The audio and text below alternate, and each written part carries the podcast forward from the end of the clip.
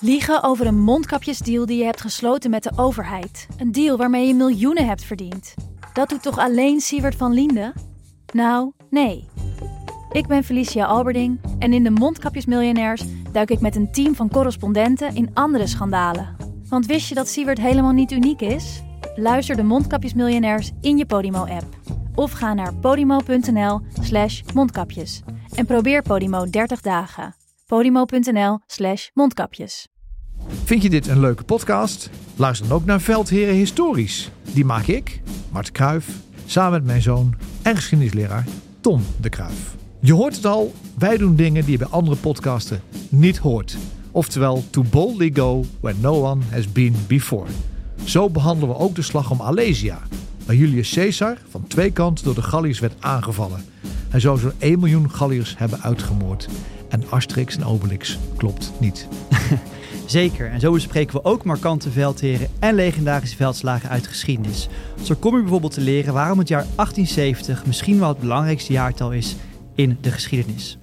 Luister dus Veldheren Historisch via Podimo. En als je je aanmeldt via podimo.nl slash Historisch, dan luister je 30 dagen gratis. Hallo, ik ben Jaap Jansen. En die zagen een blad gaan met korenwijn. En ik maak met PG Kroeger. En een half uur later weer een blad met korenwijn. Een podcast. Toen heeft het kabinet gezegd, dan stappen we op. Waarin PG historische verhalen vertelt die ook veel zeggen over vandaag. Goed te zijn, dat is een first voor mij. En waarin leiders en echte deskundigen vertellen hoe het werkelijk toegaat. In Den Haag en in Brussel. En dan weet je hoe dat afloopt. De grote landen domineren, de kleintjes die worden onder de voet gelopen. Betrouwbare bronnen. Het is waanzin. Hoe is het mogelijk? Twee keer per week in je favoriete podcast-app. Kortie Media. Veldheren is een productie van Corti Media en WPG Studios. Terwijl het de grondtroepen van Rusland en Oekraïne niet lukt een doorbraak aan het front te forceren, nemen hun luchtmachten steden ver achter de frontlinie onder vuur. Boven Oekraïnse steden regent het sinds 29 december enorme hoeveelheden kruisraketten, kamikaze-drones, hypersonische en ballistische raketten. Maar ook Poetin heeft steeds meer moeite om de oorlog op afstand te houden van zijn bevolking na een Oekraïense aanval op het Russische Belgorod. Volgens Palestijnse cijfers is 1 op de 100 Palestijnen gedood sinds 7 oktober. En ook de vrees voor een oorlog in Libanon is toegenomen, nu de spanningen tussen Israël en Hezbollah door aanvallen over en weer zijn opgelopen. Nou, dat allemaal bespreek ik met generaals buitendienst Peter van Um en Mart de Kruif. Mijn naam is Jos de Groot, je luistert naar Veldheren. En wil je nog meer Veldheren? Luister dan via vriendvandeshow.nl slash Veldheren naar Veldheren Extra... met daarin nog veel meer vragen van luisteraars. Nou heren, uh, we zijn even een paar weken tussenuit geweest. Veel te bespreken, veel gebeurd. Terwijl wij uh, aan de kerstmaaltijd en aan Oud en Nieuw uh, zaten... ging het eigenlijk gewoon door in, in Oekraïne. Ja, zeker. laten we beginnen met de situatie op de grond, aan het front. Wat gebeurt daar? Nou ja, jij zegt er is veel gebeurd. Dat klopt ook. Maar eigenlijk is er weinig gewijzigd aan het front. Uh, er is heel hard gevochten op uh, meerdere plaatsen. Maar uh, uiteindelijk zie je dat de Russen op meerdere plaatsen op het front stapsgewijs steeds meer terreinwinst boeken. en het zijn iedere keer met kleine stukjes, maar iedere dag boeken ze wel ergens terreinwinst. en dat tegen hele hoge verliezen. Maar laten we ook duidelijk zijn dat aan de Oekraïnse kant de verliezen waarschijnlijk ook hoog zijn en fors zijn. Alleen daar is gewoon minder informatie over. De Oekraïners geven aan hoeveel Russen ze uitschakelen, uh, maar van zichzelf zeggen ze vrij weinig. Je, je kan dan wel toch een soort rekensom maken als je ziet hoeveel Russen er sneuvelen dat, daar, ja, dat dat dus ook tot hoge verliezen bij Oekraïne ja, dat, leiden. Je mag, mag daar in ieder geval van uitgaan. En uh, ik denk dat iedereen ook de beelden kent van uh, de wanden in Kiev en andere steden waar uh, gesneuvelde militairen met hun foto hangen. Ja. Dus ook aan de Oekraïnse kant, niet alleen bij de burgers, maar ook bij de militairen moeten er veel slachtoffers zijn. Ja. Mart, Mart, hoe moet ik dat zien? Die frontlijn, is die eigenlijk helemaal niet in beweging? Nou ja, wat Peter zegt, die is iets in beweging. Maar de achtergrond daarvan is dat Oekraïne denkt... wij gaan ons in deze fase niet doodvechten om 100 meter extra trein te behouden. Want A, de beslissing, als die überhaupt komt... wordt die pas volgend voorjaar, maart, april... als het weer anders weer is dan nu, pas dan zien we een nieuwe fase in deze oorlog. Daar moeten wij ons op voorbereiden. En wij kunnen beter wat terrein prijsgeven en zorgen dat we de Russen hele hoge verliezen opleggen, dan dat we ons voor die 100 meter extra, zonder veel tactisch eh, belang, dat we die ons daarvoor gaan doodvechten. Dus er is ook wel een soort van calculatie eh, achter van eh, laten we rustig teruggaan en rustig in de context van als je aan het front staat is het alles behalve rustig, maar laten we het zo doen dat we in elk geval ons hier niet gaan doodvechten. Dit is niet ons zwaartepunt om die 100 meter te houden. Dat is de achtergrond. Ja, en, en ondertussen met kleine speldenprikken proberen ze toch de Russen op eh, plekken waar de Russen niet aandringen, om die te binden. Zodat ze niet de mogelijkheid hebben om veel troepen naar andere locaties te brengen. Ja. Dus uh, ja, er zit wel een plan achter. En tenslotte had Zelensky en Soluzhin hebben allebei uh, twee maanden terug geroepen van wij gaan meer in, in het defensief. Nou, dit, dit is zoals ze het nu uitvoeren. Ja, en, en dus, ja, en dus Mart, jij draait het eigenlijk om. Je zegt niet zozeer Rusland wint terrein. Maar Oekraïne is zich langzaam een beetje aan het. Nou ja, Rusland wint natuurlijk wel terrein. Alleen uh, voor een hele hoge prijs die ze daar ja. moeten uh, inleveren. En wat natuurlijk Oekraïne hoopt, is dat allemaal bijdraagt op een dier aan de slijtage van het moreel aan de Russische kant. Dus het heeft wel degelijk ook een effect op de Russen, hopen ze. En bij de Russen is natuurlijk ook de dwang om succes te boeken. Je moet niet vergeten dat natuurlijk Poetin ook iemand is die ook successen eist van zijn commandanten op de grond. Ja, en in zo'n situatie doe je er verstandig aan, nogmaals, om je niet dood te vechten voor 100 meter. Ja. Iets nieuws, althans, uh, ja, ik vond het toch redelijk nieuw klinken. Drones met traangas. Peter, wat is, wat, hoe ziet dat eruit? Ja, nou, voor de duidelijkheid, het zijn dus drones waar ze een traangasgranaat uh, onder hangen. En de eenheid heeft dat zelf uh, bekendgemaakt. Het was het 810e Marine Infanteriebrigade van de Russen bij de Dnipro, dus bij Krinky in de buurt. Ehm, die hebben iets op social media erover gezet. Dat is er daarna vrij snel weer door hun bazen waarschijnlijk van afgehaald. Want die begrepen dat dit helemaal niet mag. Dit is tegen het chemisch wapensverdrag. Maar uh, het zal ongetwijfeld dus gebeuren. En uh, ja, het mag niet. En dat is eigenlijk ook wel een beetje, beetje raar. Want als wij voetbalrellen hebben, dan zet de politie gewoon traangas in. En in een oorlog mag je het niet inzetten. Dat is ook wel een beetje apart.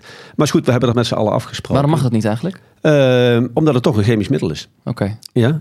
voor en, en traangas, en traangas is natuurlijk uh, is en blijft vervelend. Want uiteindelijk, je, je gaat er niet dood aan. Maar je zit met ogen vol met tranen. Je kunt niet meer richten. Je kunt niet goed zien. Mm -hmm. En dat is allemaal heel vervelend. En ja, ook in de Nederlandse krijgsmacht. Wij oefenen, ook, ook, met de dienstplichtigen vroeger. Mm -hmm. Oefenden wij wel met traangastabletten heette dat. Want je moest dus leren hoe je je gasmasker op moest zetten en hoe je dat snel op Want moest dat zetten. is wat je doet zodra je een traangasgranaat op je dak Ja, uh, zodra je een gasalarm krijgt, dan uh, zet je als eerste je gasmasker op. En, en dat moest je goed doen. Dat moest uh, gasdicht zitten. En dat was vrij simpel te controleren. Want namelijk onderaan een bus die de lucht filtert. Daar hield je gewoon je hand op. Ja, dan kwam er geen lucht meer. Dan begon je vanzelf te stikken. Nou, Hmm. als, als die dan goed... Dan zat hij in ieder geval goed luchtdicht. Uh, maar we leerden ze ook dat ja, door onvoorziene omstandigheden kan het zomaar zijn dat je gasmasker afgaat. Hè. Je bent toch aan het bewegen, je loopt ergens tegenaan, je maakt een snelle beweging. En dan moest je dus uh, onmiddellijk je, je lucht en uh, je adem inhouden. Uh, dat ding weer binnen, hoeveel was het? Vijf seconden of zo? Negen. negen seconden moest je dat ding weer op je gezicht zetten. En dan heel hard uitblazen om al die vuile gassen uit je gas, gasmasker te hebben. Nou, uiteindelijk uh, hadden we dat uh, natuurlijk iedereen geleerd. En dan gingen we naar de gasmaskercontrolekamer. De Gamacoca ja, voor de intimie. Uh, een, woord, een, woord voor scrabbelaars. gasmaskercontrolekamer. En, en, daar keken we dus of het echt gasdicht was. Want ja, als, jou, als je niet goed op je gezicht aansloot... Uh, dan kwam er vanzelf traangas bij. En dan wisten we, nou jongen, je moet het beter afstellen. En dan, uh, en dan zag je zo'n uh, soldaat zag je Holland naar buiten gaan, proestend en wel en met tranen in de ogen. Maar diegenen die het dan goed deden, uh, ja, die kregen soms de opdracht van oké, okay, neem hem maar af en zet hem binnen 9 seconden weer op. Maar uh, je kon natuurlijk op een andere manier ze gewoon verrassen. Maar dan dachten ze dat ze alles goed hadden. En dan trok je opeens het gasmasker van hun gezicht. Ja, dan schrikken ze. En dan moeten ze toch binnen 9 seconden dat ding weer opzetten. En dan wordt het al een stuk moeilijker. Dus dan zag je nog wel eens een paar man uh, inderdaad hoestend en proestend weer de gasmaskercontrolekamer verlaten.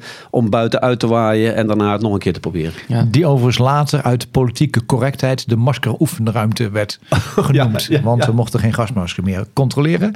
Maar chemische oorlogvoering werd heel serieus genomen in die tijd. Als je plaats van het commandant was van de eenheid, dan werd je opgeleid in de nucleaire biologische chemische kern. En daar werd ook mee geoefend. Bij bijvoorbeeld een eenheid tijdens oefeningen werd je bijvoorbeeld geraakt door een chemisch wapen en moest je ontsmetten. Dan was je bijna 12 uur bezig om de hele eenheid door een ontsmettingsstraat te halen. Met douches voor je personeel, met slangen om de voertuigen af te Dat was een van de weinige keren dat je lekker kon douchen. Ja, maar dan kom je wel, als je 12 uur zo'n gasmasker op je neus hebt, dan kom je er als een verschoven vierkant uit. Dat kan ik je wel vertellen. Eh, maar het was heel serieus genomen. En trouwens nog, het is nog een dreiging die er nog steeds is. Nu ook met biologische strijdmiddelen, nucleaire strijdmiddelen. Daar moet je wel tegen oefenen. En de krijgsmacht moet daarop voorbereid zijn. Ja, En even voor de duidelijkheid, eh, in de tijd van de Koude Oorlog, onze eh, counterpart, eh, onze tegenstander van de Wasjepak, die oefende dus met die rotzooi. Ja? en ik heb zelf een keer bij een oefening, real life, toen was er een chemische fabriek in de buurt van Hamburg, die in de fik stond. Nou, dat, dat zou dus een chemisch incident kunnen zijn. Dus wij begonnen onze planning te doen. En toevallig eh, liep er in onze staf een, een Duitser rond die van het Oost-Duitse leger was geweest.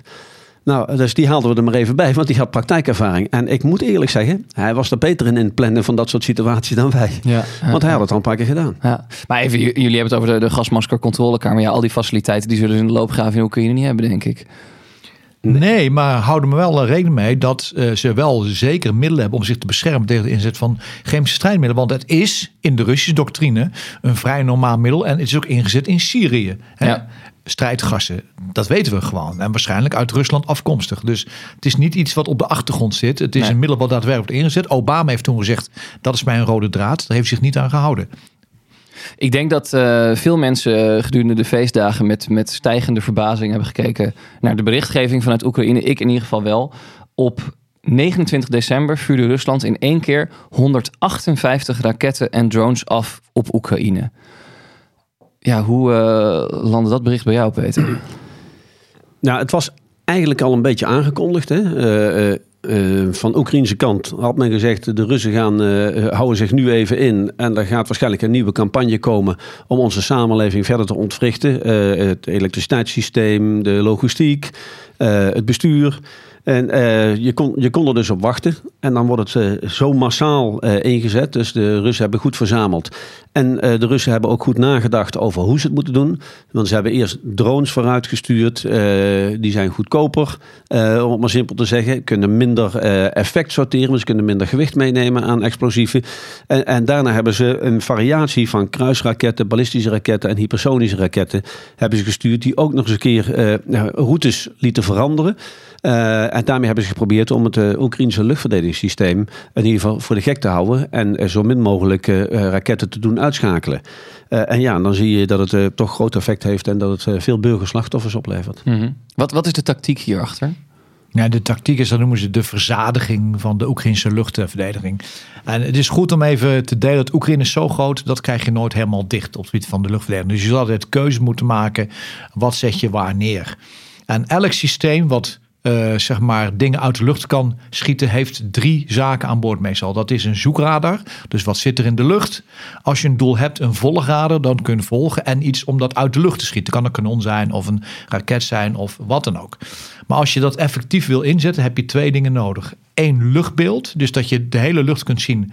Uh, en dat heeft twee redenen. Het eerste is, dan weet je wat er aankomt. Dus je krijgt voorwaarschuwing. Je kunt je voorbereiden dat aan staat te komen. En tweede is, je kunt je wapens effectiever inzetten. Want als een drone is, hoef je daar geen uh, tegen in te zetten. Dat kun je doen met eenvoudige raketsystemen vanaf de grond. Dus je wordt ook veel efficiënter. Nou, wat Oekraïne natuurlijk als uitdaging heeft, is dat ze Europese systemen hebben, oude Russische systemen, Amerikaanse systemen. Hoe knoop je dat allemaal aan elkaar en dan kun je er effectief mee omgaan? Er zijn verhalen dat ze in staat zijn om toch veel van die systemen aan, elkaar te koppelen. Maar het is een vreselijke uitdaging om dat te doen. En dan zie je als de Russen dat dus analyseren, dan probeer je dat uh, als zwakte dan te gebruiken door in verschillende tijden uit verschillende richtingen op verschillende hoogtes met verschillende middelen die luchtverdediging aan te vallen. Want dan maak je juist een uitdaging voor dat commandovoeringssysteem, zeg maar. Dan maak je het moeilijk. Ja, ja, dat effectief, misschien toch even een beeld nog bij te geven. Um, je probeert dus met een uh, zo, uh, zo, zo, zo ja, klein middel mogelijk probeer je een doel uit te schakelen. Wat je het minste kost. En je probeert de betere, geavanceerde doel, eh, middelen. Probeer je echt voor de hogere doelen eh, probeer je die te pakken. Dus je probeert met mitrailleurs en kanonnen probeer je drones uit te schakelen. Met de, de oudere Russische luchtverdedigingssystemen probeer je kruisraketten aan te pakken. En je probeert de Patriots te behouden voor de eh, ballistische raketten en voor de eh, hypersonische raketten. Misschien toch nog even, kruisraketten, hypersonische raketten, ballistische raketten. Wat, wat is het verschil daartussen? Ja, een kruisraket gaat relatief laag en, en snel. Kan ook van route eh, veranderen. Een ballistische gaat met een grote boog. Mhm. eh, en komt dan eh, keihard naar beneden. En een eh, hypersonische die gaat dus supersnel, om het zo maar te zeggen. En dat was, waren die raketten waar Poetin een tijd geleden van heeft gezegd... kijk eens, wij Die de niemand uit de lucht hebben. Ja, en niemand kan die uit de lucht halen. Ja. Nou, dat is nu denk ik wel... dat fabeltje is nu wel doorgeprikt. Want er zijn gewoon echt harde feiten... dat met Patriots deze Kinsal-raketten uit de lucht zijn gehaald. Ja. Dus dat is goed. Maar wat ik begrijp uit, uit meerdere bronnen, is dat eh, de Russen ook supersonische anti-schepraketten inzetten op landdoelen. En dat waren raketten die in de Koude Oorlog eigenlijk zijn gemaakt om tegen eh, ja, westerse vliegtuigschepen in te Schepen, ja, precies. eh, en de Oekraïne heeft enorm veel moeite om deze krengen te onderscheppen. En naar men zegt, de, het is de, de KH-22, NAVO-term Kitchen, eh, die zijn nog niet uit de lucht gehaald. Ja. Eh, dus er is één soort raket waar ze heel veel moeite mee hebben om, eh, als Oekraïners om die uit de lucht te halen. En ja, en als je dat dan allemaal bij elkaar optelt, hè, we hebben ook eh, uit één bron weliswaar, maar er is iemand geweest die heeft eh, gewoon eens even gekeken met die, al die aantallen die jij noemde, Jos. Ja, 158 raketten en Ja. drones op één dag. Ja, Die, die heeft daar een rekensommetje van gemaakt. Het is maar één bron, dus het is maar een indicatie. Maar die heeft gezegd dat bij die grootste aanval op 29 december... dan zou het zo eh, rond een miljard zijn... wat eh, eh, de Russen aan vuurwerk hebben verstookt. Eh, dat is gigantisch. En op 2 januari hebben ze een iets kleinere aanval gedaan. En daar zou het eh, ja, meer dan 5 tot 600 miljoen zijn wat ze... Ja, als je dat dan in die aantal ook afzet tegen wat ze kunnen maken... dan kunnen de Russen dit dus niet continu volhouden. Nee, maar bewij- bewijst het niet ook voor een deel het succes van de Russische oorlogseconomie? Dat ze dit dus blijkbaar wel kunnen doen. Ja, zeker. De, de, de Russen hebben hun oorlogseconomie eh, in ieder geval eh, redelijk goed eh, op orde. En ook op, op een hogere toer gezet. Dus ze, ze kunnen wel eh, redelijk wat van deze dingen maken, maar niet in deze aantal. Al- Als het gaat om die luchtverdediging, ik moet steeds denken aan die Iron Dome van Israël. Mhm. Hè, Dat wordt altijd genoemd als dat, dat zo kun je eh, jezelf beschermen. Waarom lukt, lukt Oekraïne dat niet zo goed als hoe dus die Iron Dome van Israël altijd wordt eh Nou, die Iron Dome eigenlijk? is met name gemaakt om ballistische raketten. Of raketten die niet ballistisch gaan, maar wel met een grote boog binnenkomen. Dus minder hoog en minder diep. Om die te kunnen uitschakelen. En dat is gebaseerd op een analyse van waar is Israël nu kwetsbaar. Nou, een van de kwetsbaarheden die Israël heeft. Is vanuit de lucht, vanuit Arabische landen om hem heen. Die in de jaren 80 een dreiging zouden kunnen vormen aan Israël. Met name de grote steden, Tel Aviv, En hoe verdedigen wij die dan? Toen is Israël gaan aanhaken bij het raketschildinitiatief van Reagan. En die heeft gezegd, de Russen zijn bezig met nieuwe raketten, ballistische raketten. Wat kunnen wij daartegen doen? En die technologie hebben ze gebruikt. Dus die Iron Dome is eigenlijk gericht op een specifieke dreiging van ballistische raketten, groot of klein, vanuit de lucht. Wat de Russen nu doen, is Oekraïne confronteren met een veelvoud aan dreigingen. En, en daarom zie je dat de luchtverdediging minder effectief is. Over de effectiviteit van zijn campagne, daar gaan we het straks nog even over, eh, over hebben. Maar het is vooral de diversiteit van dreiging en het in tijd en richting ook nog eens een keer variëren die het zo moeilijk maakt. Wetende dat je een land nooit helemaal dicht krijgt. Bijvoorbeeld een Patriot, die heeft een bepaalde hoek waar die naar kan kijken. Maar die heeft ook een hele grote dode hoek. Dus je kunt nooit alles afdekken van alle kanten. Ja. Ja, nou even eh, toch terug naar aantallen, want ik heb nog even nagekeken. Maar er zijn eh, in ieder geval bronnen die zeggen dat de, de, er nog eens zo'n duizend ballistische en hypersonische raketten in de Russische voorraad zitten. Ehm, ik weet niet of het waar is, maar er is een aantal wat genoemd wordt in ieder geval. En dat ze toch in staat zijn om, om er zo'n 100 per maand te maken. Ja, als je dan eh, er 100 per nacht afschiet, dan ben je zo door je voorraad heen, om zo te zeggen. Dus dan kunnen de Russen dat ook niet, niet, niet volhouden. Maar het geeft wel aan hoe belangrijk met name eh, ja, de luchtverdedigingsmiddelen voor de Oekraïners zijn. En vooral de Patriot. Want als, ja, die dingen zijn hartstikke duur. Eh, maar je, je hebt ze nodig om juist hem die eh, supermoderne raketten van de Russen uit de lucht te schieten. En eh, ja, dan zien we dat de Amerikanen momenteel eh, niet leveren. Wij kunnen niet leveren. Ja. Dan is er weer een lichtpuntje. Want Japan heeft eind vorig jaar in ieder geval besloten zijn exportbeleid te wijzigen. Hè. Als een afkomst van de Tweede Wereldoorlog hebben ze gezegd wij exporteren geen munitie. En Japan heeft nu gezegd nou we willen wel eh, munitie exporteren. Maar dan gaat het hooguit naar landen waar het van origine vandaan komt. En waar komt de Patriot vandaan? Want de Japanners hebben die ook. Eh, waar komt die vandaan? Van Amerika. Dus als de Japanners Patriots aan Amerika gaan leveren... kunnen de Amerikanen ze weer aan Oekraïne geven. Er is eh, 155 mm artilleriemunitie... eh, waar een groot tekort aan is eh, bij de Oekraïners. Ja, dat zou terug kunnen worden gegeven aan de Britten. En dan zouden de Britten dat weer aan Oekraïne kunnen geven. Dus dat is in ieder geval een lichtpuntje. Ik wou zeggen, ik hoor een voorzichtig hoopvol bericht als het gaat om westerse steun. Ja, dan, dan, dan, dat is ook dan, een keer fijn. Dan, wat, natuurlijk, we, we moeten ook onze industrie, je had het over de Russische defensieindustrie, maar we moeten onze industrie ook oppompen. Ja. Maar dan hebben we hier weer een mogelijkheid om Maar- nog uit bestaande voorraden eh, het een en ander te doen. En ook de Nooren eh, gaan eh, nu flexibeler om met hun eh, eh, exportbeleid. Dus er zijn ook wel een paar lichtpuntjes. Maar, maar feit blijft dat de Russische oorlogseconomie, oorlogsindustrie sneller draait en meer kan produceren dan de industrie in het Westen op Ja. dit moment. En dat speelt Poetin op termijn natuurlijk in de kaart. En de buffer die we hebben door bestaande middelen te gaan gebruiken, die wordt natuurlijk steeds kleiner. Dus hier zie je dat op dit moment tijd in het voordeel speelt van Poetin. En dat is ook een van de redenen waarom hij dit soort dingen doet. Want de verzadiging van de luchtverkeer betekent ook dat je Patriot-raketten moet afvuren. En als je niet meer hebt, dan degradeer je natuurlijk de kwaliteit van je luchtverkeer. Kan het een beslissend element zijn, die, die, die luchtcampagne waar hij mee bezig is? Nou, de geschiedenis leert dat het niet eh, zo is. Nee? Nee, en eh, nou, laat me even cijfers er even bij pakken. Eh, ik ben eens eh, gaan uitrekenen wat er per dag, eh, hoeveel kilo er aan explosieven door de lucht naar Oekraïne gaat. En dan hebben we die grote aanval even genomen. En vooraf voor de luisteraars, ik ben slecht in wiskunde, dus het kan zijn dat we die cijfers nog eens moeten narekenen. Maar ik denk dat er niet veel na zit. Een drone, een Russische drone, heeft een explosieve lading van ongeveer 50 kilo. Een ballistische raket tussen de 800 en 1000 kilo. En zo'n hypersonenraket ongeveer 500 kilo.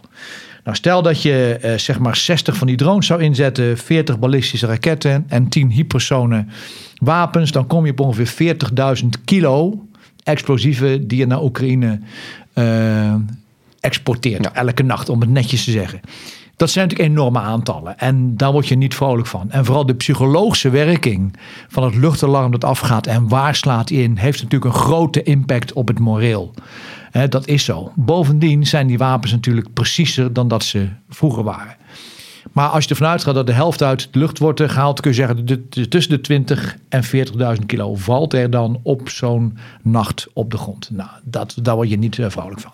Maar ik ben dat vergelijken met andere strategische luchtcampagnes uit het verleden. En ik ben gaan kijken naar de Tweede Wereldoorlog. Dan blijkt dat tussen 1943 en 1945 de Amerikanen overdag en de Britten s'nachts per 24 uur 1,5 miljoen kilo op Duitsland afgooiden aan explosieven. 1,5 miljoen kilo. En dat in de Vietnamoorlog in 1966 de Amerikanen 1,7 miljoen kilo per dag afwierpen boven Noord-Vietnam, Laos en Cambodja. Totaal andere dimensies. En waarom zeg ik dit? Het gaat niet om de aantallen en om de dreiging, want je zult er maar wonen in Kiev. Maar Amerika heeft de Vietnamoorlog niet gewonnen. Die hebben ze verloren, ondanks deze enorme inzet van het luchtwapen. En je ziet ook dat Duitsland de oorlog niet opgaf. Sterker nog, de productie van Duitsland, de oorlogsproductie, was in de tweede helft van 1944 op zijn hoogst. Ondanks de luchtbombardementen. En Russen moesten vechten tot in de straten van Berlijn om het regime te stoppen van Hitler. Dus je moet je echt wel afvragen, wat is nou de uiteindelijke militaire waarde van een strategisch luchtbombardement? Dat heeft natuurlijk waarde, maar is dat nu beslissend in een oorlog? Als je kijkt naar de geschiedenis, zie je dat het niet altijd zo is. En eigenlijk zie je het nu ook weer in Gaza gebeuren, hè, waar heel veel luchtwapens wordt ingezet. Maar het Israëlische leger toch, omdat ook Hamas kiest waar ze vechten, op de grond eh, Gaza in moet. En tot nu toe, volgens officiële cijfers van het Israëlische leger, heeft dat geleid tot eh, 500 doden en, en meer dan 2000 gewonden. Dat zijn voor een klein land als Israël zijn dat enorme aantallen. Dus er zit altijd iets in van de wens op lange afstand met precisie een oorlog te kunnen winnen. Dat, dat, is, dat is een denken wat al sinds de invoering van het luchtwapen eigenlijk is. En telkens blijkt dat het maar een deel is van oorlogvoering en vaak niet het beslissende deel van oorlogvoering. Nou, in, in die context moet je daar naar kijken. Ja, ik wil e- één ding verduidelijken wat, eh, wat Mart zegt. En dat is die effectiviteit. Dat die zoveel eh, beter is geworden. Dat klinkt natuurlijk gruwelijk. Eh, want die aantallen die de Russen nu naar voren brengen, die zijn veel gerichter op doelen neergezet. Eh, in de tijd van de Tweede Wereldoorlog en ook Vietnam had men het over carpet bombing. Hè, er waren bommentapijten die neergelegd Ja. worden in de hoop dat men ook dat prioriteitsdoel zou raken. En nu zie je dat met deze raketten en drones men veel beter op prioriteitsdoelen kan, kan, kan richten. Ehm, als je dan kijkt naar, naar de Russen, is natuurlijk de vraag: waar richten ze eigenlijk op? Want dat land gewoon meestal gewoon in steden. Ja. Als het gaat om die eh, lange afstandswapens, daarover zei eh, onze eigen, de huidige commandant der strijdkrachten, wel iets interessants in een interview met NRC op 2 januari. Eh, hij zei erin: de aantallen lange afstandswapens voor Oekraïne moeten fors worden opgevoerd. Daarmee kan het Oekraïense leger opslagplaatsen en aanvoerlijnen achter het front aanvallen. Wat bedoelt hij daarmee? Ja, ik, ik keek wel een beetje op eh, toen ik die eh, opmerking las. Eh, want ik denk dat is toch een beetje in strijd met wat de westerse landen allemaal hebben gezegd in het verleden. Van wij gaan jou geen, Oekraïne geen lange afstandswapens geven, want daar kunnen jullie mee op Russisch grondgebied schieten. Wat de Russen dus ook af, of sorry, de Oekraïners ook af en toe doen. Hè. Kijk naar de aanval op Belgorod. Ehm, dus eh, ik denk, hey, dit is opmerkelijk. Maar ik begrijp dat er inmiddels een, eh, een rectificatie is. En Ja, dat, Die zal ook hij- netjes op, op 3 januari, in, dat heeft dus al in de kant gestaan, maar op 3 januari eh, schreef NRC een re- eh, rectificatie. Eigelsheim bedoelde achter het front aan de Russische kant. En dat is nu aangepast Ja. in het artikel online. Ja, want dan, dan zit het dus in de bezette gebieden. En, eh, Ja. eh, in Luhansk, eh, eh, Donetsk en, en op de Krim. Ja. Eh, en, en, en dat kan ik begrijpen. Maar hij heeft ook echt eh, wel gezegd dat wij eh, Oekraïne moeten blijven steunen. En om toch maar even aan te geven eh, eh, hoe hard dat nodig is. Eh, in, in 2023 in het begin eh, schoten de Oekraïners nog zo'n 7000 artilleriegranaten per dag. Nu zijn het er rond de 2000. Eh, ze moeten dus echt ransoneren. Terwijl de Russen nog steeds ongeveer zo'n 10.000 per dag eh, wegpompen richting de, de Oekraïners. En ja, als je dan nagaat dat zo'n 80% van de eh, militaire slachtoffers valt door artillerievuur en door bombardementen, dan, dan, dan snap je wat voor een effect dat heeft. Dus we, we zullen ze echt moeten blijven steunen met die luchtverdedigingsmiddelen, met munitie en natuurlijk met onze F-16's die er straks aankomen. Nou, en de, de opmerking was ook wel interessant, omdat Oekraïne doet het wel. En weliswaar niet met westerse systemen, dat lijkt zo te zijn. Maar er was natuurlijk een aanval op de Russische plaats Belgorod. Beetje als vergelding na die, eh, na die luchtcampagne van 29 december. Ehm, dus in die zin zie je wel dat Oekraïne het wel doet. Ook spelden prikken of uitdelen aan, aan Russische zijde. Maar ook daar weer, wat is het militaire effect daarvan? Ja. Dat is niet zo. Het is vooral een psychologisch effect. En we kennen dat ook uit de geschiedenis. Hè? Toen eh, Duitsland Engeland begon te bombarderen, en niet alleen de vliegvelden, maar ook de steden, heeft Churchill zeg maar zijn laatste bombers bij elkaar geschraapt en is Duitsland gaan bombarderen.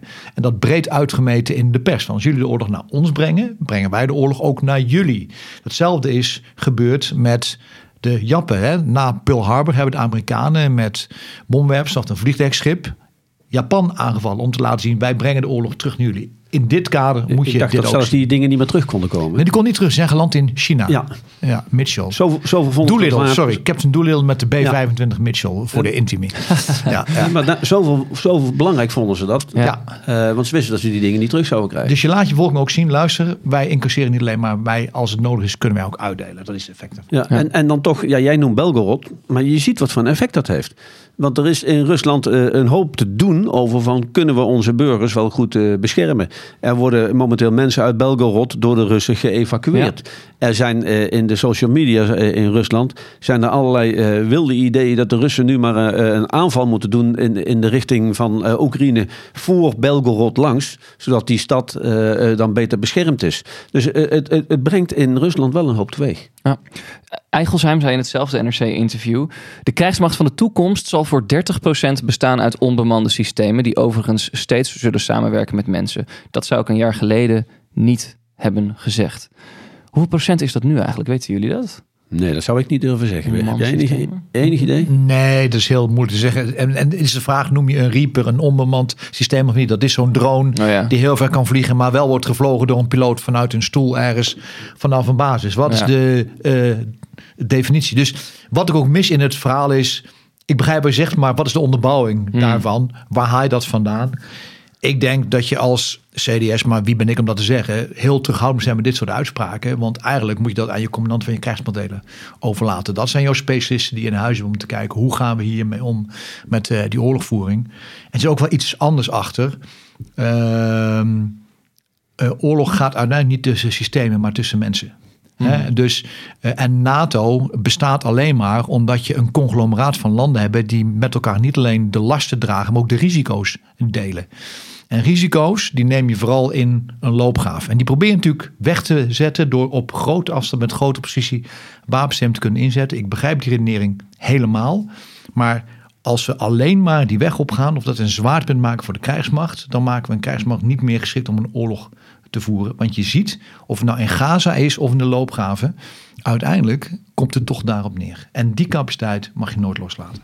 Ja, maar als er door hem wordt gedoeld op drones, eh, op eh, voertuigen die op afstand bestuurd worden, hè, want de 13e brigade in Oorschot heeft, Heeft zo'n team? heeft, heeft zo'n team wat daarmee echt bezig is. eh, eh, voertuigen op rupsbanden, kleine voertuigen met, met een zware mitrailleur erop, die op afstand worden bediend. Ja, als je dat soort systemen ziet, ja, dan, dan snap ik wel eh, dat je meer naar dat soort systemen toe moet om ook de risico's voor je mensen eh, te verlagen. Dat begrijp ik wel. Maar de valkuil zit erin dat je denkt, ik kan mensen vervangen door systemen. Nee, je moet systemen toevoegen om de operationele effectiviteit van eenheden te vergroten. Dat moet de redenatie zijn. Ga ik nog één uitspraak aan jullie voorhouden. Die ehm, kwam van afzwaaiend commandant van de landstrijdkrachten Martin Wijnen. Jullie natuurlijk ook wel bekend. Hij zei tegen de Telegraaf... Nederland moet serieus rekening houden met een gewapend conflict met Rusland. Dat geldt zowel voor het leger als voor de samenleving. Best onheilspellend. Nou ja, eh, je, je raakt aan een thema wat in de theatercolleges ook wel eens naar voren komt. Mm. En dat men- we hebben echt al theatercolleges gehad waar mensen gewoon eh, aan ons hebben gevraagd van, eh, ja, komt Nederland in oorlog? Dus er zijn in ieder geval een heleboel mensen om bezorgd. Ja, Mart en ik hebben al heel vaak aangegeven dat je als eerste moet zien dat je een goede afschrikkingsmacht hebt. Ja, om te voorkomen dat die ander ook maar eraan denkt om jou te gaan aanvallen. En nou, daar zijn we nog lang niet. Dus laten we daar nou eerst maar eens even aan werken. Maar we zullen ook moeten werken aan eh, de weerbaarheid van de samenleving. Hmm. Eh, eh, da- daar zal ook iets door de overheid en door de regering aan moeten worden gedaan. En dat betekent dat we nog eens een keer goed moeten kijken naar hele belangrijke plekken in Nederland. Haven in Rotterdam, ons elektriciteitssysteem, ons logistieke systeem met alle wegen en bruggen. Hoe, hoe gaan we dat allemaal beveiligen? Vroeger hadden we de be- be- bescherming burgerbevolking. Nou, dat is allemaal weg. Misschien moeten we nog eens een keer opnieuw een analyse maken van hoe gaan we de samenleving weer weerbaar maken. De BBB, de burgerbescherming. Ja, heel goed. Ja, ja, die- toen heette, ja, ja, ik wou de afkorting al niet gebruiken, want dat is nu wat anders. ja. Connotatie bij. Eh, ja, Mart, stevige uitspraak wel, toch? Ja, maar wel een terechte uitspraak. Kijk, ik ben natuurlijk geïndoctrineerd door mijn jaar op het US Army War College in eh, de Verenigde Staten. eh, waarin ze eigenlijk zeggen, luister, eh, als je vrede wil, dan moet je voorbereiden op oorlog. Not, not to promote war, but to preserve the peace. En dat komt omdat mensen als Poetin, die denken in macht. En niet in ratio en in reden of in ethiek. Die denken in macht.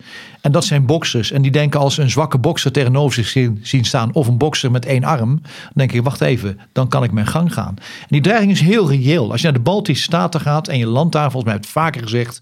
Die mensen zeggen meteen tegen ons, jullie zijn gek. Jullie onderschatten wat hier gebeurt aan de andere kant van de grens. En de tweede vraag die stellen is: gaan jullie de derde wereldoorlog beginnen omdat wij NAVO-landen zijn? Hmm. Om ons te helpen tegen de Russen? Gaan jullie dat doen of niet? En dat zijn terechte vragen die ze stellen. En het beste om nooit in zo'n situatie te komen, is om mensen als Poetin ervan te overtuigen dat de prijs die zij gaan betalen voor zoiets zodanig hoog is dat ze het nooit gaan doen. Helaas is het zo. Ik zou het geld ook anders besteden.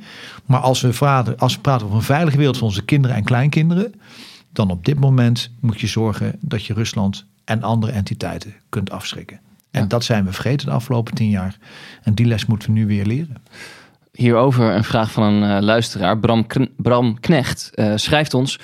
Ten eerste luister ik met veel genoegen naar jullie podcast eh, en naar jullie kijken op de situatie in oorlogsgebieden. Ik heb twee vragen. Het tijdperk tussen de Eerste en Tweede Wereldoorlog noemt men een interbellum. Maar wanneer geldt dat? Leven we nu ook in een interbellum? En kun je, kun je eigenlijk niet zeggen dat er nu een derde wereldoorlog aan de gang is, gezien er zoveel landen direct of indirect betrokken zijn? Nou, die laatste vind ik wel een, eh, een heel grote uh, Wij, uitspraak. wij gaan niet hier vandaag de derde wereldoorlog Nee, nee, nee. eh, ik, eh, ik, ik, ga, ik ga niet zeggen dat er een derde wereldoorlog gaat. Dus. Maar eh, ja, momenteel is er ook eh, van alles te doen over de oorlog die je niet ziet. Hè? Documentaires en Ja. dergelijke. Vanuit Modderkolk. Ja, dus we moeten eh, ons wel blijven realiseren dat we allemaal in een wereld zitten waar je zo geraakt kunt worden door een ander. Mhm. Eh, in het IT-domein, ehm, in, het- in het cyberdomein om het zo maar te zeggen, eh, of misschien wel eh, fysiek. Nou, ik, ik zie dat een heleboel landen inderdaad betrokken zijn bij eh, de twee con- conflicten waar wij het regelmatig over hebben in onze podcast. Maar eh, dat wil nog niet zeggen dat ze helemaal eh, ja, in die oorlog zitten. Ik weet niet of de mensen het verschil tussen committed en involved kennen. Mm. Hè, maar er is een eh, mooie uitspraak over eh, bij het Engelse ontbijt. Ik weet niet of jullie hem kennen. Ik ken hem niet. Nee? Mart wel, als ik hem zo zie. ja, maar eh, bij het, on- bij het eh, Engelse ontbijt, standaard Engels ontbijt, zeggen ze dat eh, de kip is involved, maar eh, de, eh, het varken is committed. Ja, want je eet het eitje van de kip. En, ja, eh, de kip blijft overeind, maar het Ja. varken is de klos. Ja, ja, ja. Ja, en eh, hier is het natuurlijk ook, ja, dat is een beetje een belachelijke vergelijking misschien. maar eh, wij zijn met z'n allen wel allemaal involved, hè, Ja. maar, maar we zijn nog niet committed in die zin. eh. Ja. Maar, en- maar ja, om het een interbellum te noemen, dat is, is, Nou ja, dat is het interessante wel is, interessant. Hè? wij noemen het een interbellum, omdat het de, de tijdspan is tussen twee wereldoorlogen. Dus de vraag kunnen we niet beantwoorden. Nee. Want als we ooit een derde wereldoorlog krijgen, dan kunnen we zeggen, wij hebben in een interbellum geleefd. Ja, ja. Tot nu toe hoeven we dat gelukkig niet te zeggen. Maar we leven wel in een tijd waar de eh, machtsverhoudingen in de wereld aan het verschuiven zijn. We komen van de tijd van eh, de Koude Oorlog. eh, eh, twee partijen stelden ze vastgepakt tegenover het Westen. En andere landen deden er toch minder toe. En nu zie je dat China, India beginnen steeds grotere rol te spelen. Amerika verliest wat van zijn macht. Rusland, nou ja, ik vind het niet echt een wereldmacht meer. Maar daar zal Poetin het niet mee eens zijn. Ehm, en de geschiedenis leert dat juist in dat soort tijden, hè, als je eh, een, een verschuiving hebt, dat noemen ze in het Engels een hegemonic shift, ja, dan moet je met z'n allen wel heel goed opletten, want voor je het weet eh, eh, zit je met z'n allen weer in een volgende wereldoorlog. Kijk, en er zijn mensen die Europa in dat geheel een hele belangrijke plaats willen geven. Ook als intermediair tussen die schuivende panelen. En dan zeg ik, ja, dat is heel goed. En Europa heeft invloed, politiek en economisch, maar militair niet. We hebben wel een wortel, maar niet de stick. Wel de carrot, not de stick. En Europa moet dus, als we invloed willen uitoefenen om de effecten van oorlog of geweld te mitigeren in deze wereld, dan moeten we heel goed nadenken wat Europa daaraan moet doen. En dan moeten we in een militaire uitdrukking te bezigen ons achterste been razendsnel gaan bijtrekken. Heb ik nog een eh, luisteraarsvraag van Frank van Jeveren. Hij schrijft ons: In de media wordt vaak gesteld dat Oekraïne onze oorlog, uit, onze oorlog uitvecht. En het belangrijk is dat we Oekraïne ondersteunen. Moreel gezien ondersteun ik dit van harte. Echter, ik probeer me ook voor te bereiden op wat er gebeurt als Oekraïne verliest.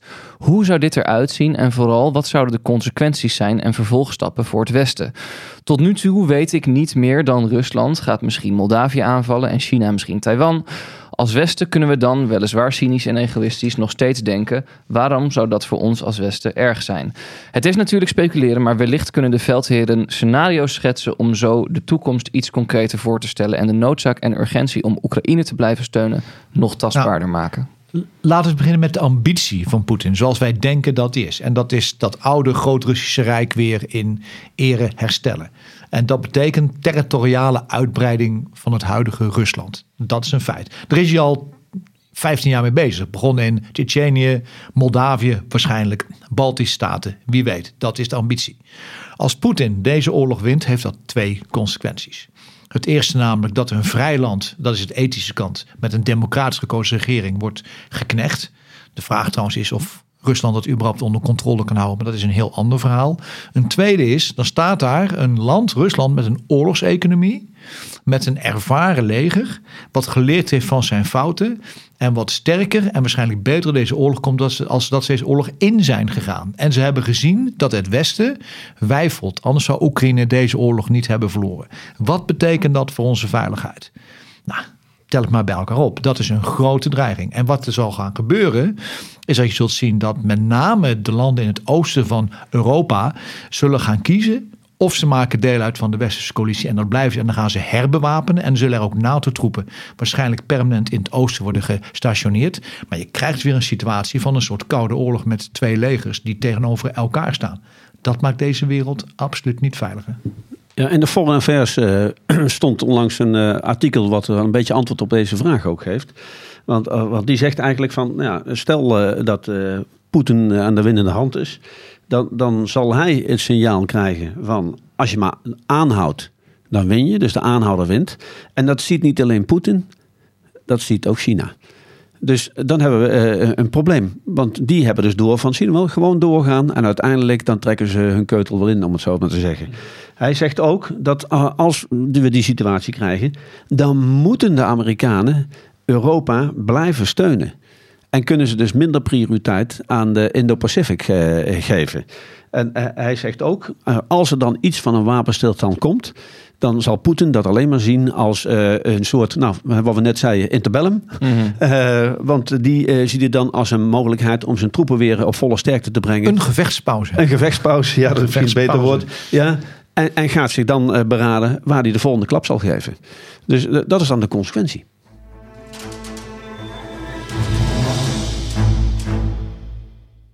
De Israëlische premier Netanyahu benadrukte afgelopen zondag in het Israëlische parlement opnieuw dat het leger doorgaat tot de drie doelen van de oorlog zijn bereikt: vernietiging van Hamas, bevrijding van de gijzelaars en garanderen dat Gaza nooit meer een bedreiging vormt voor Israël. Wat is jullie analyse van de militaire operatie in Gaza op dit moment? Ja, hij ging, hij ging zelfs verder, want hij heeft uh, dat onlangs nog herhaald en heeft gezegd dat hij wil Gaza demilitariseren en hij wil de Palestijnen deradicaliseren. Nou, ik weet niet uh, wat hij denkt dat hij nu aan het doen is, maar volgens mij met alle acties die hij nu doet, gaat het deradicaliseren van de Palestijnen niet werken. Hij is alleen maar meer vijanden aan het creëren, volgens mij. Um, en hij zegt dus, wij gaan onze acties nog steeds verder intensiveren. Um, ja, wij, wij, hebben het al vaker gezegd. Dit is militair zijn dit doelen die niet te halen zijn. Dus ik ben zeer benieuwd hoe hij dat nou uh, vorm wil geven. En dan verbaast het me ook dat je de ene dag zegt die we gaan intensiveren. En even later haalt hij duizenden militairen uit het noorden van Gaza weg. Ja, hoe rijm je dat met elkaar? Ja, nou, dan, dan uh, is of de maatschappelijke druk zo groot dat hij een signaal aan de samenleving moet geven dat hij een aantal, in ieder geval een deel van de militairen eruit trekt. Misschien wel weer terug naar huis brengt. Ook om de economie uh, gaande te houden. Maar het kan natuurlijk ook zijn dat zij uh, informatie hebben dat er uh, meer gaat gebeuren. Uh, bijvoorbeeld aan het noorden bij Libanon. En dat Hezbollah daar actiever gaat worden. En dat ze die duizenden militairen naar het noorden toe verplaatsen. Dat kan natuurlijk ook. Ja. Ja, zoals Peter zei, dat zijn doelen die niet bereikbaar zijn.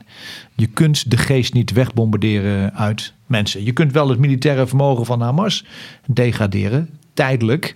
Maar dat is niet de vernietiging van Hamas. Hè? Dat moeten we echt niet denken. En, en, en de vraag is, wat gebeurt hier nou eigenlijk? Nou, stel dat je groot delen van Gaza onder controle kunt brengen, om wat voor reden dan ook. Dan zit je eigenlijk in de, in de klassieke situatie dat je een tactische overwinning tussen aanhalingstekens eigenlijk uh, omzet in een strategische nederlaag. Want het draagvlak van de staat Israël en de wijze waarop ze handelen in dit geval neemt natuurlijk rap af in internationaal verband. Sterker nog, ook binnen de VS neemt het af. Hè. Binnen de Democratische Partij komen steeds meer stemmen om kritisch te kijken wat er nu allemaal gebeurt in Israël. Zeker de jonge generatie kijkt daar anders naar. Dus terwijl de panelen aan het schuiven zijn om Israël heen, gaat Netanyahu door op deze lijn. Als ze vragen waarom doet hij dat? Nou, een van de mogelijke redenen is hij weet als deze oorlog stopt dan krijgt hij natuurlijk de volle laag over zich heen van 7 oktober en de verrassing en het waarschijnlijk einde van de regering Netanyahu. Dus het is ook gewoon een machtsstrijd, een interne machtsstrijd die hij aan het eh, voeren is. En we hebben het al eh, vaker gezegd, hier is alleen maar een politieke oplossing mogelijk, geen militaire oplossing. Dat is dus wat uh, hij denkt, dat gaat er nooit komen. En het tweede is, die krijg alleen maar als je partijen hebt die tenminste beide weten wat ze willen. Zowel de Palestijnen als de Israëli's. En de verdeeldheid binnen die fracties is zo groot dat op korte termijn gewoon geen politieke oplossing in zit. Tenzij de wereldmachten zich ermee gaan bemoeien. Nou, China heeft er geen belang bij. Amerika heeft het heel moeilijk om dat te doen, zeker gezien de politieke onzekerheid. En er is maar één winnaar van deze oorlog tot nu toe. En die zit in Moskou. Maar we hebben, we hebben het nu al over een mogelijke oplossing. Ondertussen hè, weten we, er is een Hamas-leider in Beirut geliquideerd. De spanningen aan de grens met Libanon en uh, Hezbollah daar, die, die nemen toe. Aanvallen over en weer. Nog even ver voordat we bij een oplossing zijn. Hoe groot achten jullie de kans dat dit daadwerkelijk escaleert? En dat, er, dat de oorlog zich uitbreidt naar omringende landen? Nou, één ding is zeker. Netanyahu kan zich geen tweede 7 oktober veroorloven. Dus hij kan zich niet nog een keer laten verrassen, ook nog door Hezbollah.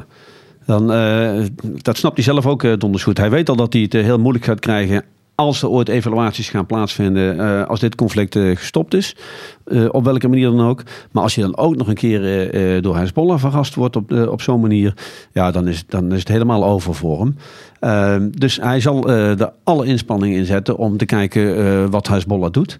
Nou, dan heb je te maken met Iran achter Hezbollah, die denk ik momenteel ook nog niet zover zijn dat ze Hezbollah de vrije hand geven. Uh, ze spelen met verschillende kaarten daar. Uh, de Houthis, die uh, uiteindelijk de scheepvaart in de Rode Zee knap lastig maken. Dus die hebben meerdere schaakborden om het zomaar om op te schaken.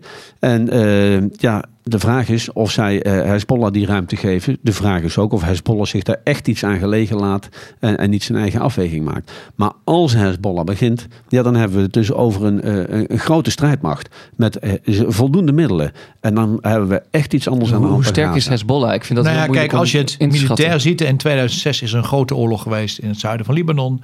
Hezbollah tegen Israël, waar Israël heeft geleerd. Hezbollah is veel beter in staat om een gecoördineerde verdediging te voeren dan dat wij überhaupt dachten. Sinds tijd is Israël begonnen met het weer leren vechten in dorpen en steden, wat ze nu in Gaza gaan toepassen.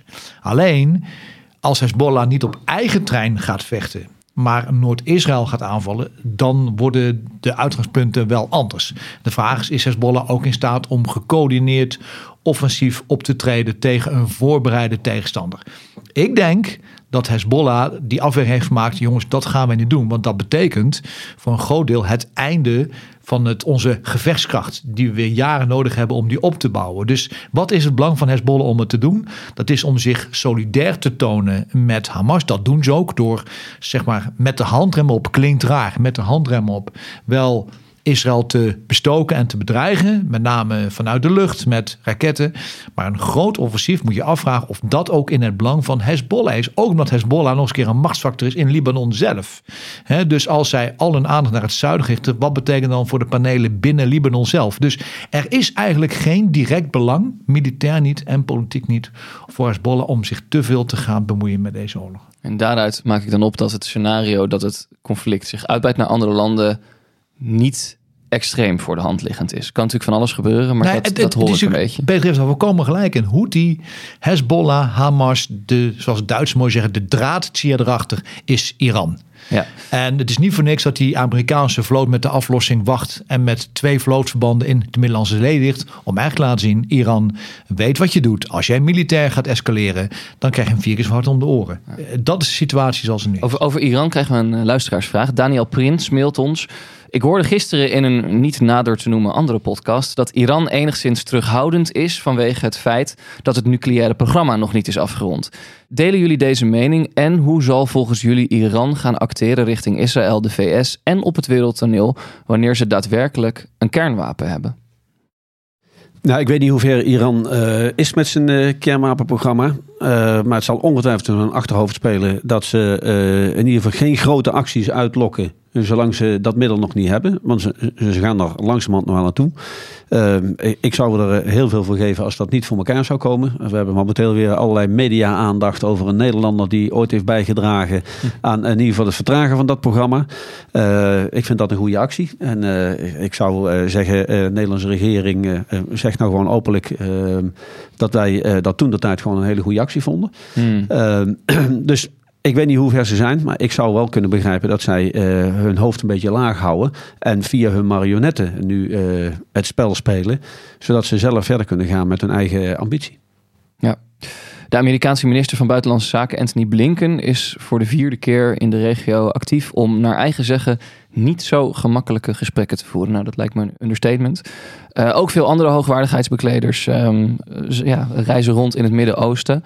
Wat zegt dat? Kunnen we eens proberen om, om in die kamers te kijken? Wat, wat, waar denken jullie dat op wordt aangedrongen door de Amerikanen en al die anderen? Ja, dat is eigenlijk een Rob de Wijk vraag, zeg maar. Erg politieke vraag. Uh, maar Amerika voelt natuurlijk dat de steun voor het Amerikaanse buitenlands beleid afbrokkelt als Israël doorgaat met zijn huidige strategie. Want Israël wordt toch gezien als belangrijke bondgenoot van de VS. En terwijl de Verenigde Staten behoefte hebben aan steun in de Arabische wereld en ook in de wereld daaromheen. En, en die dreigt af te gaan brokkelen als ze niet oppassen. Dus die varen daar een koers dat ze steeds kritischer moeten zijn ten opzichte van de gebeurtenissen in Israël en de wijze waarop Israël optreedt in de Gazastrook.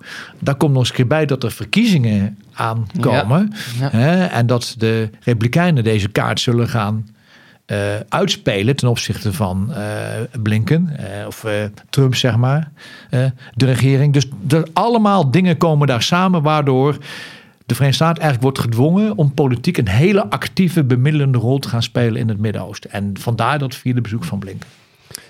Ja, we hebben al vaker gezegd dat uh, achter de schermen er heel veel diplomatiek verkeer is en allerlei pogingen worden gedaan. Maar je ziet ook dat het uiteindelijk nog tot weinig leidt en zeker tot weinig invloed op, uh, op de Israëli's. we hebben het Egyptische vredesvoorstel gehad. de Israëli's beginnen nu zelf met ideeën te komen over hoe het allemaal zou kunnen eindigen. Dat is dan weer geen regeringsbeleid, dat zijn ballonnetjes die worden opgelaten. Ehm, maar uiteindelijk gaan ze nog steeds door. En levert het dus weinig op. En dat legt de druk op de Amerikanen alleen nog maar uh, steeds groter vanuit uh, zo'n beetje alle richtingen. Ik ben benieuwd wat jullie hiervan vinden. Journalist Caroline de Gruiter schrijft veel over Europa, over politiek. Um, schreef een stuk in NRC waarin zij zegt... Um, Europese landen moeten, ook Nederland, eindelijk maximale druk uitoefenen op Israël en Amerika. Om te zorgen dat er een staakt het vuren komt. Alleen als het bombarderen stopt, is er een kansje om ooit nog een humane oplossing te vinden voor het Israëlisch-Palestijnse conflict.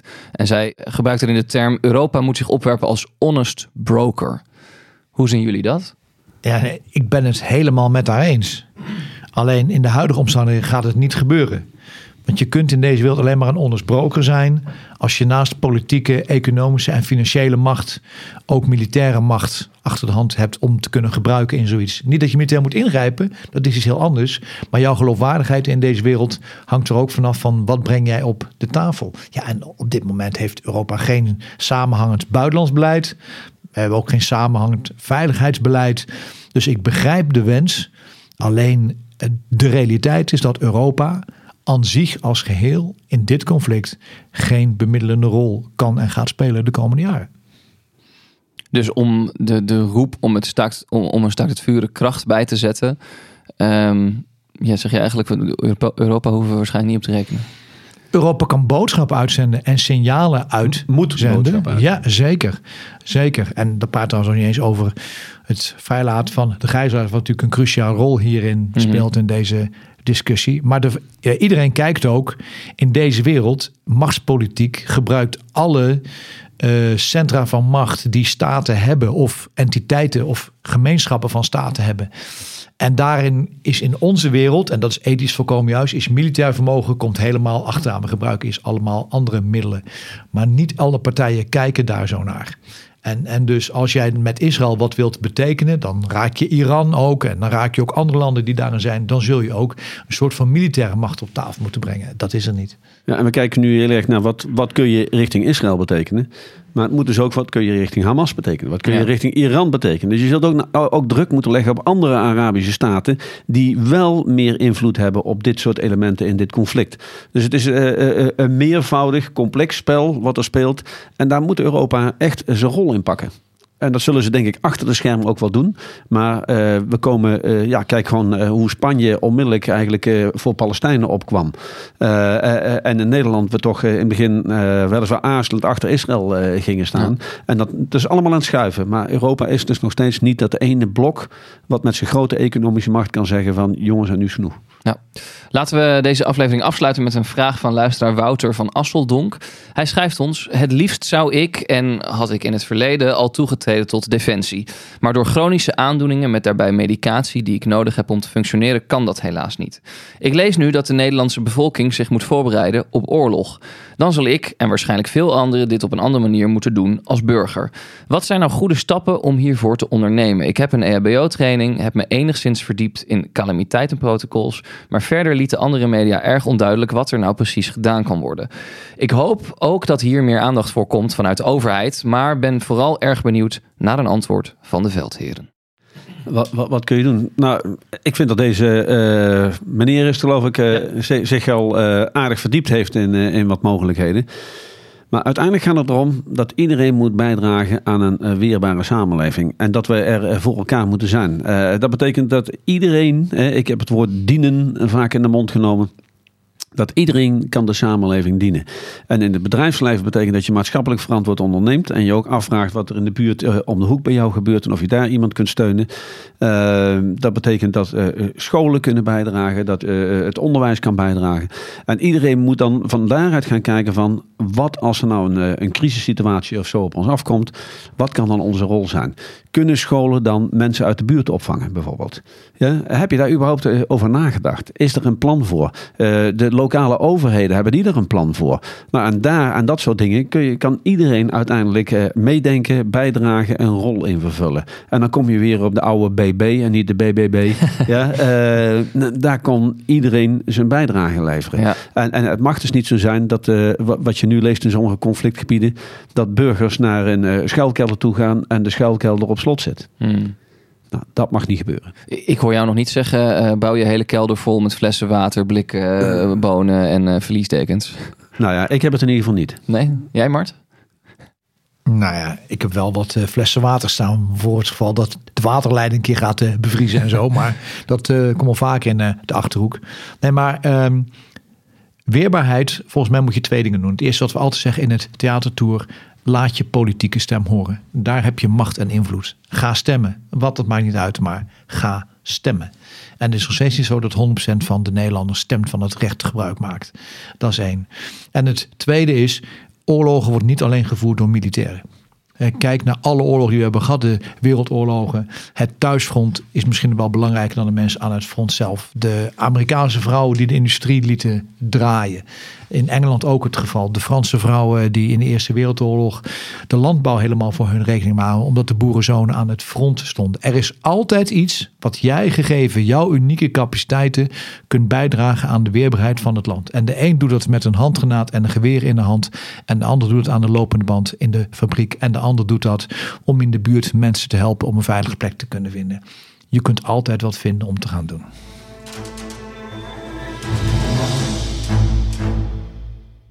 Waar gaan jullie eh, de komende week op letten? Ja, ik hoop eh, van ganse harte dat eh, eh, de luchtaanvallen en bombardementen op Oekraïne eh, wat minder worden. Ik zie eh, aan het front zie ik eh, in Oekraïne niet, zo, niet zoveel wijzigen. Eh, en ik eh, houd er vooral ook de noordkant van Israël in de gaten. Mart? Ja, ehm, ik denk dat er heel veel wordt eh, gevochten dat ook zo blijft. Maar dat wat er nu gebeurt achter de schermen veel belangrijker is, dat we niet gaan zien. Dat is namelijk in de Oekraïne beide partijen die zich voorbereiden op wat gaan we in dit voorjaar doen. Ja, daar krijgen we weinig eh, eh, zicht in. En binnen Israël zelf en de oorlog in Israël zelf vraag ik me af hoe lang is Israël in staat om de militaire inspanning met zoveel reservisten uit de maatschappij, met ook zoveel verliezen om dat vol te houden in deze oorlog? En wanneer komt er interne dynamiek in Israël om te kijken hoe we anders met deze oorlog eh, moeten omgaan? Daar kijk ik naar. Eigenlijk hoe je dat ook bijvoorbeeld ziet met Oekraïense vrouwen die eh, dus zien dat hun mannen heel lang aan het front zijn. Dat bedoel je een beetje. Of voor Russische vrouwen, Ja, hè, zeker. voor Russische Ja. moeders. Hè. Ja. Dus eh, het heeft gewoon een grote impact. We gaan het allemaal meemaken. Dit was eh, Veldheren voor deze week. Mijn naam is Jos de Groot. Ik maak deze podcast met generaals buitendienst Peter van Um en Mart de Kruif. Wil je de Veldheren iets vragen? Mail ons dan op veldheren.kortimedia.nl. Dat is C-O-R-T-I Media. Eh, volg ons op X en op Instagram. En bij Veldheren Extra op vriendvandeshow.nl slash Veldheren gaan we nog even door. En beantwoorden we meer vragen van luisteraars. Bijvoorbeeld die van Peter Hendriksen.